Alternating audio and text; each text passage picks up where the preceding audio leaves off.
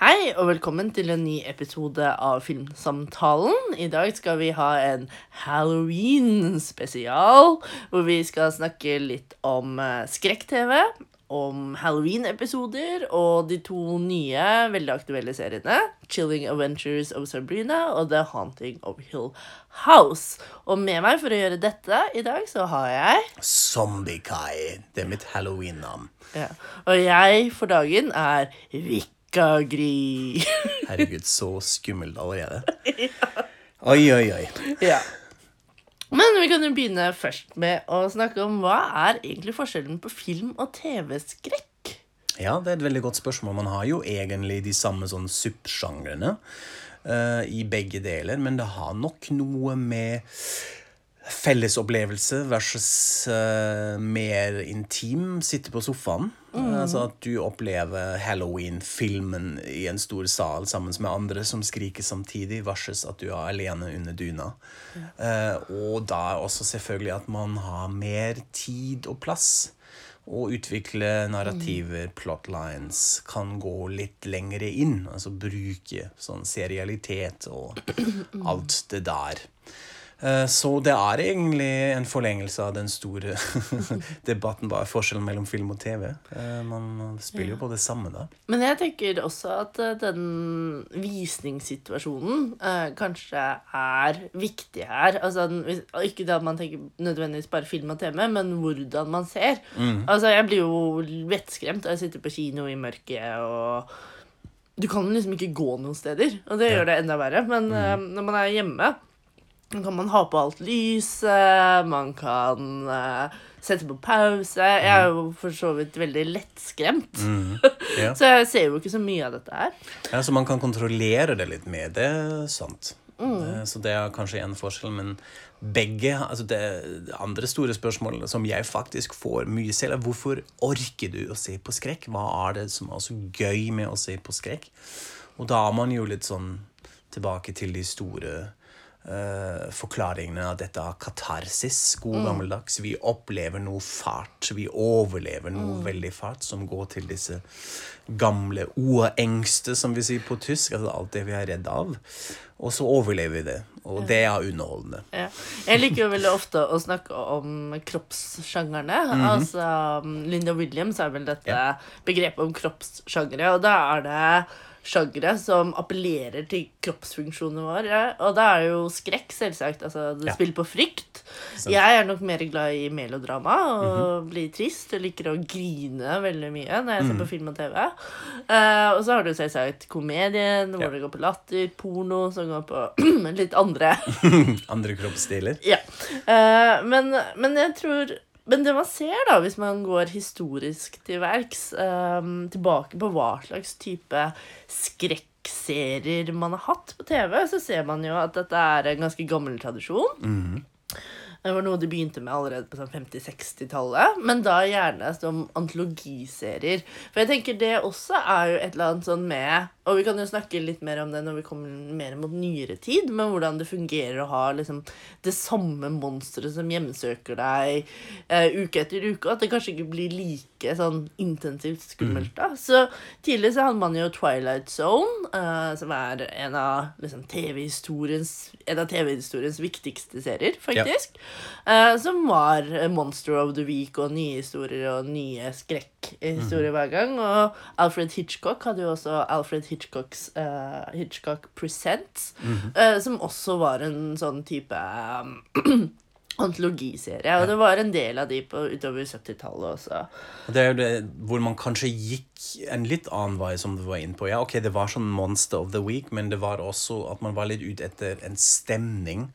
Det man kaller liksom for the uncanny, også i litteratursjangeren. At det er noe creepy her. En merkelig hendelse som må Som for det meste i disse seriene hadde en sånn overnaturlig forklaring. Som ikke var eh, krim. Ah, ok, det var ikke spøkelser til slutt. Jo, her var det det, kanskje. Men at det også var en del sånne åpen endinger, uh, sånne ting. Så man lekte litt med denne creepy stemningen i, Mm. i disse episodene. Og selvsagt så henger det jo også med hvordan TV-sjangeren har utviklet Eller TV-serien har utviklet seg generelt. Altså På den tiden så hadde man jo ikke noe VHS, eh, ingenting. Så man Ja. kunne på en måte ikke lage disse lange, serialiserte historiene hvor man måtte se alle episodene for å ikke gå glipp av handling. Så da var det jo mye mer naturlig å ha eh, denne antologiserien da, for å skape den samme spenningen med Og så Ja. var det jo selvsagt også eh, fint, fordi uh, TV-serieskaperne kunne jo leke veldig mye med forskjellige uttrykk Mm. og stilarter og settinger og sånn, fra Ja. gang til gang. Ja. Så tenker jeg at dette er jo også kanskje først og fremst en veldig sånn angloamerikansk ting.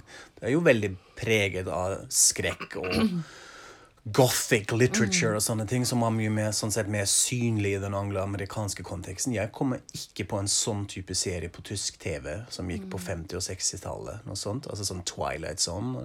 Var det Nei, mest det hadde ikke vi, i hvert fall. ja, det var mest krim. Eh, som var litt sånn Som samlet folk foran TV. Men skrekk kom egentlig mye senere. Så dette er mye American og British TV her. Selv om vi hadde jo noen tilløp i sånn type den norske påskekrimmen. Der Ja. Kan det noen ganger være litt mer sånn skumle Ja. Ting som foregår. Jeg husker fremdeles at jeg var på hytta og sto bak forhenget mens resten av de voksne da så på rød snø. Uh, oh, mens jeg tittet frem og hadde mareritt i resten av påskeferien. Så Ja. det var jo kjempefint. Uh, det var ganske dumt av meg, faktisk. Uh, men ja, så da var det denne tendensen på 60-70-tallet. Vi har et unntak, da. Dark Shadows som var en em, skrekk-såpeserie. Ja. Og det er jo faktisk en uh, sjanger som har fortsatt på TV-skjermen frem til i dag. Altså, det er veldig vanlig med tenåringsskrekksåper. Ja. Um, så, og der har du jo en lang, lang historie av den type serier, og det er Ja. mange av de akkurat nå. Altså, så det å kombinere tenåring som coming of age med skrekkmotiver, at man har på en måte det andre føler seg ikke hjemme i sin egen kropp, og da har du sånn analogi, analogier til vampyrer og werewolves og sånne ting. Puberteten som en slags eh, werewolf-transformasjon. ikke sant? Så det I. Buffy The Vampire Slayer, for eksempel, så var det jo liksom High School is hell. Ikke sant? Ja. så, der, Mm. så det er jo én retning da som denne sånn skrekk på TV har tatt. Ja. Og det er kanskje ikke så veldig skummelt, da, den serier som Buffy. Altså, det var jo noen skikkelig skumle episoder av Mm. Buffy, det husker jeg. Sånn Hush, for eksempel. Og disse floating men. Ja, ja. herregud. Kjempeskummelt. Uh, men sånn stort sett så var det ikke sånn superskummelt. Det samme med Vampire Diaries og Supernatural. Og, som, vi også skal, som vi også skal snakke om litt senere. Sabrina. Altså, det er jo ikke sånn kjempeskummelt, men man bruker, som Kai sier, disse elementene som en metafor for det å bli voksen og tenåring, og hvor jævlig og fælt og skummelt det er. Eh, Men sånn, hvis man fortsetter med den litt mer rendyrkete skrekken, så ser man at man får Så mener jeg at man kan si at man fikk en ny bølge på 90-tallet med serier som Rike, eh, Twin Peaks og X-Files. Og da er det en litt sånn annen type skrekk vi møter enn disse antologiseierne. Ikke sant, Kai? Og kanskje litt sånn plassere den skrekken litt mer i andre kontekster. Uh, altså Twin Peaks uh, tok jo en sånn ja, small town americana-scenario og igjen spilte litt på den uncanninessen, den creepinessen, at det er ikke så rett fram, men har, handler om ting som ligger under overflaten. Det er ikke splatter og blod og vampyrer og varulver som hopper ut, men det er mellom oss mennesker at den skrekken ligger. Og så, ja, The Kingdom, altså Rige, var Lars von Trier. Dette er fortsatt en av mine all time eh, favorite-serier. Eh, I et sykehus, det store Rikshospitalet i København, hvor det spøker på veldig rare eh, måter. Og da har man også litt en, sånn estetisk interessant kombinasjon som kanskje begynte da mye mer, nemlig eh, sånn mockumentary estetikk. Eh, at dette var selvfølgelig veldig preget av en dogme-greie fra Lars von Trier og de andre på 90-tallet, men at man da etter hvert eh, gikk over til det som da ble paranormal activity og alt dette, litt sånn overvåkningskamera, skrekk, ting som skjer i et sted som vi opplever via eh, kamera. Uh, og samtidig kanskje en sånn ironisering òg. Altså, I hvert fall uh, Riket hadde jo mye humor også. En kombinasjon av creepy og skrekkhumor. Det ser vi jo kanskje også. Ja, jeg tenker jo veldig at uh, både Rike og Twin Peaks eh, faller veldig inn i liksom den postmoderne tidsalderen som var veldig eh, viktig på 90-tallet. Altså, De kan definitivt leses inn i sånn Ja. ironisk Nå bruker vi disse, dette formspråket for å si noe om hvor meningsløst alt er. Ja. uh, og at det kanskje ble mer overflate enn dybde, da. Eh, kan man jo kanskje si. Altså, Hva handler egentlig disse seriene om? Ja. Vil de si noe mer om verden? Annet enn At alt er meningsløst, Ja. og ingenting betyr alt, og alt betyr ingenting. Litt sånn postmodernisme. Ja. Ja, kanskje. Altså, det er jo Ja, ja, ja absolutt. Det passer jo inn, og um, så, så det blir kanskje senere at det blir litt varmere, eller at det blir blandes Mm. med andre sjangere, eller mer såpete, eller at man faktisk er litt mer på plott Ja. enn på stemning. Men begge de to er jo også ganske Altså, de er jo begge lagd av eh, kjente, anerkjente filmskapere. Altså, de har begge en mer sånn artig eh, trekk ved seg, kan man jo også si. Sånn at det ikke um, sånn, sånn at de er veldig unike da, på hver sin måte. Og det er jo uttrykk for liksom Lars von Trier og David Lynch sine rare, rare hjerner, kan man kanskje si. Men på den andre siden så hadde man jo også to serier uh, i USA som er mer mainstream, og kanskje har vært mer innflytelsesrik, vil jeg si, på hvordan skrekksjangeren har utviklet seg i dag, nemlig Buffy og X-Files.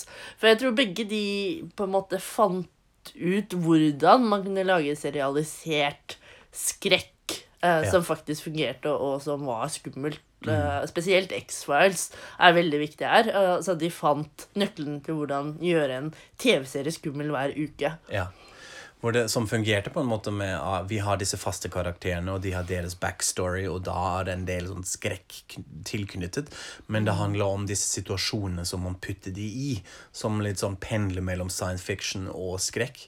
Og de har jo da levert kanskje tidens mest skumle episode, nemlig Home, med en sånn hillbilly, mutated, incestuøs familie eh, som eh, Mulder og Scully må inn i dette huset. Eh, og dette var jo nesten sånn kontrovers på den tiden, at det var kanskje for mye for sånn free TV. Ja, så de har absolutt eh, levert der, og kanskje gjort noe Pusha grensene litt, nesten i forhold til hva som var mulig på TV. Altså det hva man kan vise. Fordi det er jo alltid et eh, problem kanskje i skrekksjangeren. Hvor eksplisitt blir man? Hvor voldelig blir dette? Eller hvor skummelt blir dette? Jeg må jo innrømme at jeg aldri så uh, X-Files, fordi Ja. det rett og slett var for skummelt For for, meg. skummelt, ja. Så alle de andre på skolen dagen etter episoden hadde gått på norsk TV 2, da, så jeg var snakket om episoden, og jeg bare Nei, sorry. Dette tør jeg ikke. Hold deg i ørene. La, la, la, nei, nei. Ja, ikke sant. Ja.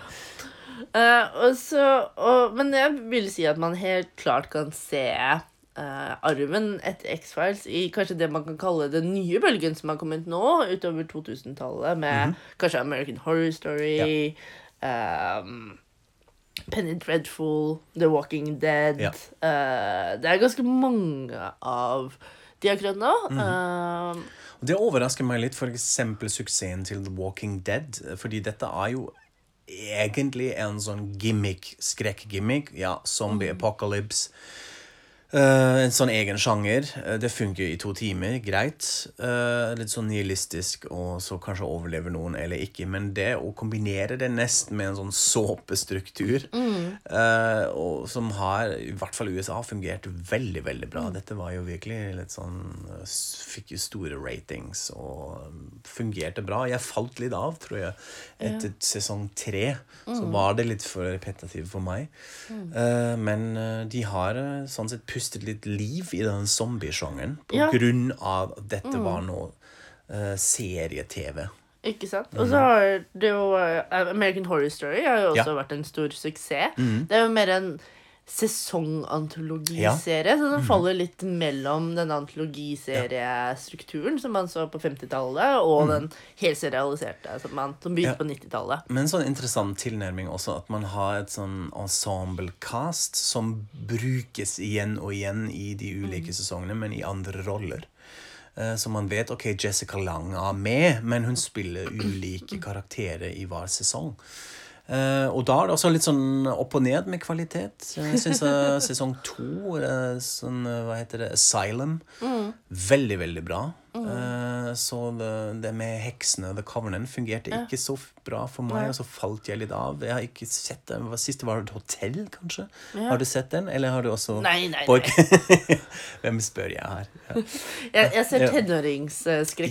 jeg. riktig, jeg skjønner. Ja, nei, altså jeg har eh, da sett litt American Horror Story, men nå har de litt sånn Jump the Shark, tror jeg. Mm. Ja. Tror de er uh, ferdig. Eh, og så har man jo for så vidt Black Mirror, som man Ja. kan helt klart sette i tradisjonen til um, Twilight Zone og Ja. Alfred Hitchcock Presents, uh, som er en um, enkeltepisode-antologiserie. Eh, og mange av de episodene er jo skikkelig skumle, har jeg skjønt. Jeg har jo ikke sett alle, men Nei, jeg har ikke. også sett litt for lite Black Mirror da, men jeg tror da har man den kombinasjonen at det er litt sånn smart skrekk, eh, hvor man Det er jo en sånn agenda av denne serien at man tar for seg sånne etiske dilemmaer. Eh, og ja eh, Iscenesette de, og da er jo skrekk veldig velkommen. Eh, Så det Ja, litt mer Ja, kanskje litt mer sofistikert enn eh, sånn klassisk eh, de, de slangene vi har vært inn på. Mm, Men så Ja. har man jo noe nytt som har kommet nå. Ikke sant? Walking Dead, American Horror Story, uh, X-Files Alle disse seriene ble jo, de er jo serialiserte. Altså det har Ja. en sammenhengende handling. Men de er jo også lagd for å ses én episode i uka. Eller det er i hvert fall sånn det blir distribuert. Mm. Ja. Men nå har jo Netflix også kastet seg på denne bølgen. Uh, først kanskje med Stranger Things. Mhm. Er jo kanskje den viktigste, største suksessen de har hatt Ja. i denne sjangeren. Uh, og så nå da med uh, Han Hill The Haunting of Hill House. og The Chilling Adventures of Sabrina. Ja. eh, Som på en måte bare blir lagt ut der, sånn at de kan binges. Noe mm. som vil si at eh, opplevelsen om man binger de Og skrekk er jo en spenningssjanger, så det er jo ganske sannsynlig at man binger ganske kjapt. Ja. Så da blir det på en måte en veldig lang film som man ser hjemme. Eller hvordan så du The Hill Haunting of Hill House. The Hilling of Haunt House. Nei, what? Haunting of Hill House, ja. Nei, jeg klarte rett og slett ikke å binge dette, fordi det ble litt for intens for meg. Uh, altså, jeg er jo, som vi har etablert her, glad i skrekk, og mest skrekkfilm, og liker å se det på kino, selv om jeg kan bli litt stressa da òg. jeg snakker jo litt om Hereditary, at jeg vurderte å gå ut fordi det var litt mye. Men jeg syns det er veldig spennende. Men eh, um, Haunting of Hill House har litt sånn eh, på godt og vondt litt mye å tilby. Altså, de forteller en historie av en familie uh, som eh, um, bo i dette huset, som er selvfølgelig haunted, og foreldre skal egentlig pusse det opp. Men så skjer det ting der hele tida uh, som fører til at de kan ikke flytte derfra. Og så hopper serien veldig i tiden. Vi ser dem når de er voksne, vi ser dem når de er barn i det huset, og man går litt sånn frem og tilbake.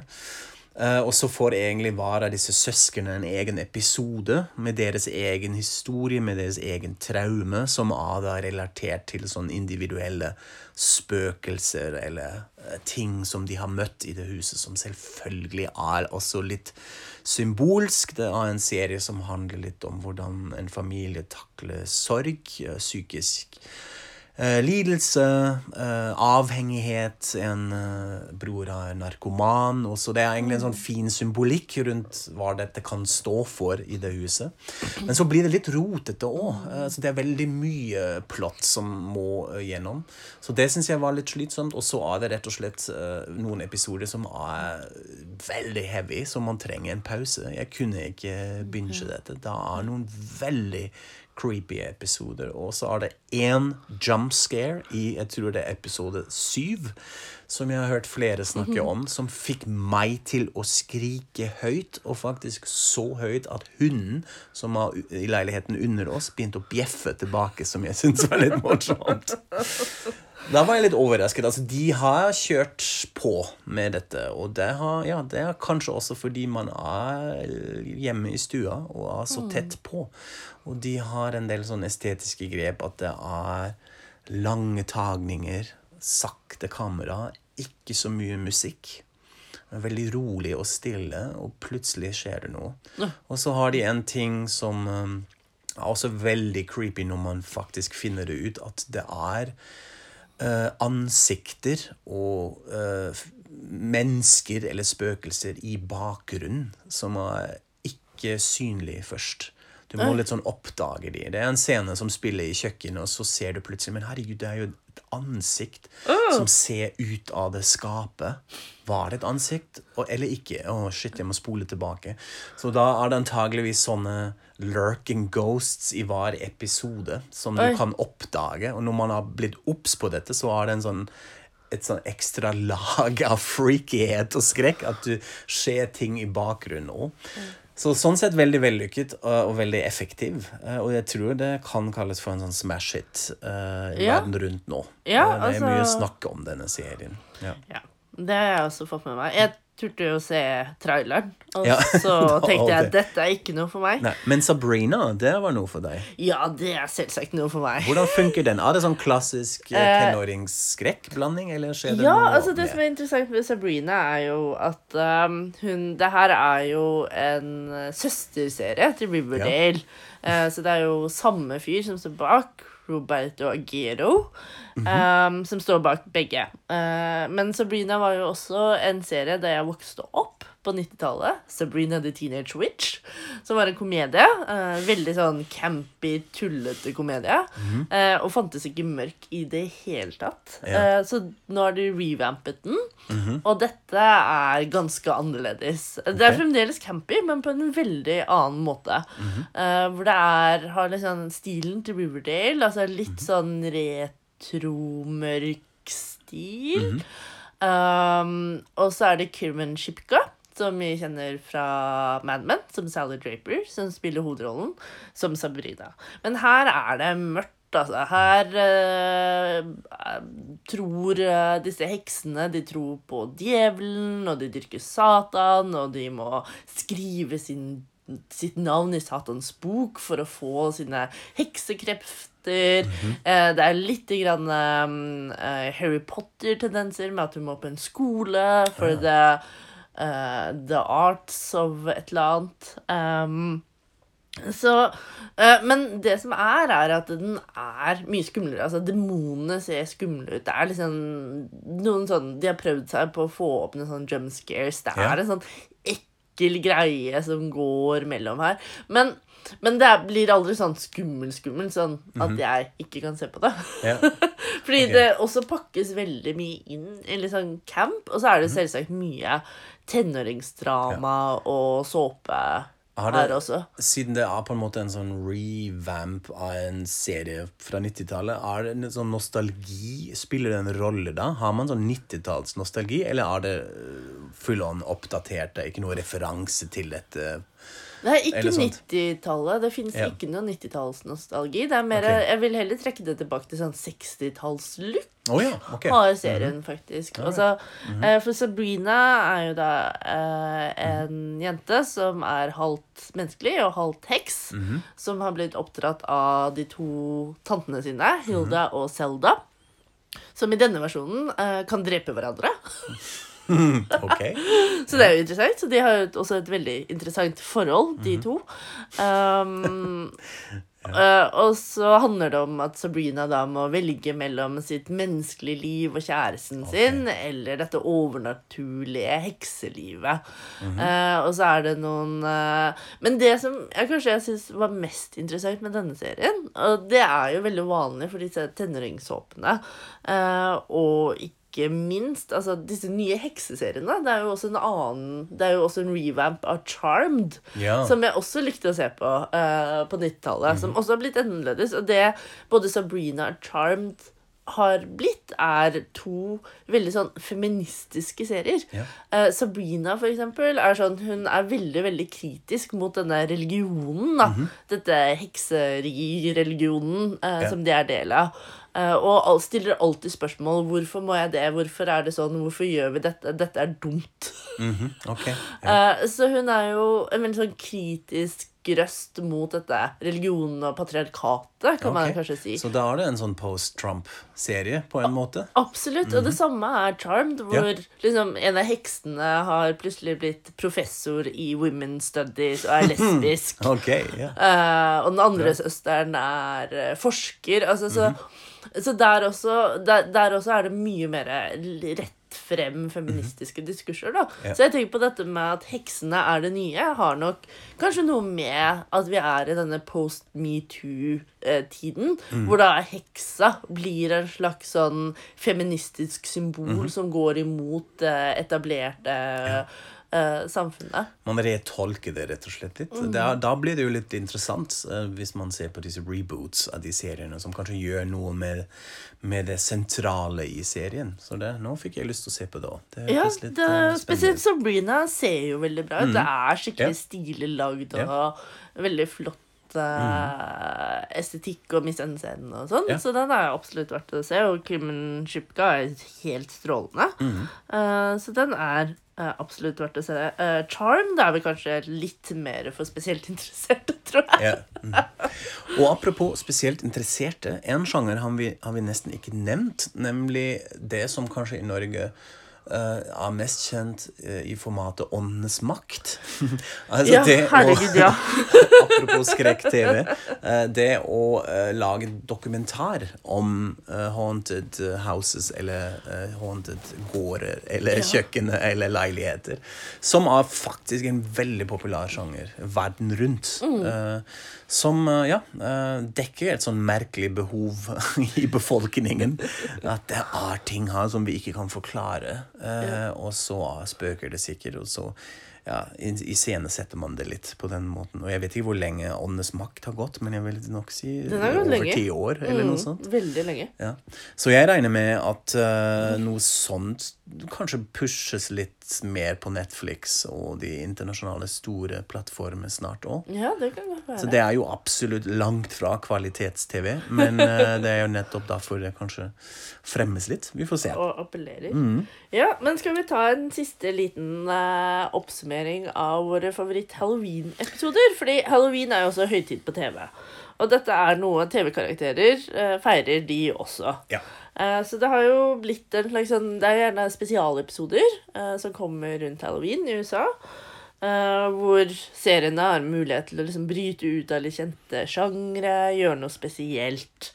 Um, Simpsons er vel kanskje det mest kjente eksempelet på som har Halloween-episoder hvert eneste år, nemlig yeah. Three, uh, Three, Three House of Horror. Ja. mhm. Um, som de alltid har, da, som er en sånn merke, merkesak. Og de kan jo uh, bli ganske skummel, faktisk. Altså, Da er det litt splatter innimellom, og øh, litt det som man kanskje Kanskje litt modellert etter den Twilight Zone-tilnærming. at man har litt sånn rare historier, creepy ting, som blir da fortalt via de hovedkarakterene. Så dette er en sånn en fin tradisjon, Ja. egentlig. Uh, hvor de gjør mye rare greier. Har du noen favorittepisoder, eller har du favorittserier som har gjort gode halloween-episoder? Altså, jeg har, uh, har jo da sett um, mye sitcoms da, og Ja. syns uh, at eksempel eh, Parks and Rec har en veldig morsom Halloween-episode, med The Fart Attack. uh, som ja, ikke så skummelt, men litt sånn leker litt kanskje med mørke temaer. Og forteller det på en veldig morsom måte. Og nå er jeg jo midt i prosessen å skrive en bok om uh, Friends. Plagg, plagg. Og Friends har jo også en ganske kjent Halloween-episode, men da mest eh, fordi det er en Halloween-fest. Og det er Sean Penn som er gjest eh, i denne episoden. eh, som er litt sånn morsomt å, å se på, men som er langt fra skummelt. Mm. Eller sånn. Du, da? Har du noe veldig Ja, jeg er vel ganske glad i Community. Pleide alltid å Ja. ha veldig kule Halloween-episoder. Også fordi de lekte ekstremt mye med forskjellige sjangere. Så de kunne faktisk være ganske uh, skumle noen ganger. Og så har vi vel nevnt Buffy sin Hush. Ja. Som jeg syntes var helt jævlig. Den var jo faktisk skummel. um, og så av komedier så hadde jo, var jo The Office. Ja. Alltid veldig god på Halloween-episodene sine, syns jeg. Uh, og det samme med 30 Rock. Altså, ja, dette her er jo en gammel sitcom-tradisjon Ja. i USA. Hvor Det det. man får veldig mye humor ut av å feire høytider. Um, så det er eh, mye å se på. Så man kan, og Bob's Burgers pleier også forresten å ha veldig gode Halloween-episoder. Kommer jeg på nå. Uh, så det er mye å se på om man vil ha det skummelt eller morsomt. Eller begge deler. Eller begge deler. Så kan man Så er det halloween-temaer for alle. Um, ja. Uh, men da er vi ved vår uh, favorittdel av podkasten hver gang, nemlig våre egne anbefalinger. Hva vil du anbefale i dag, Kai? Ja, jeg, jeg anbefaler eh, det motsatte uh, av det vi har nettopp snakket om. Uh, eller kommer litt an på. Kanskje noen som har syns det er skummelt òg. Jeg har blitt helt hooked av en japansk reality-TV-serie som vi faktisk har anbefalt i denne podkasten før, nemlig Terrace House.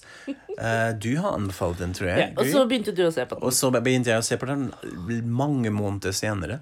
Uh, og nå har jeg binget sesong tre, uh, Open eh, Doors. Opening New Doors. Opening New Doors. En sånn merkelig konsept.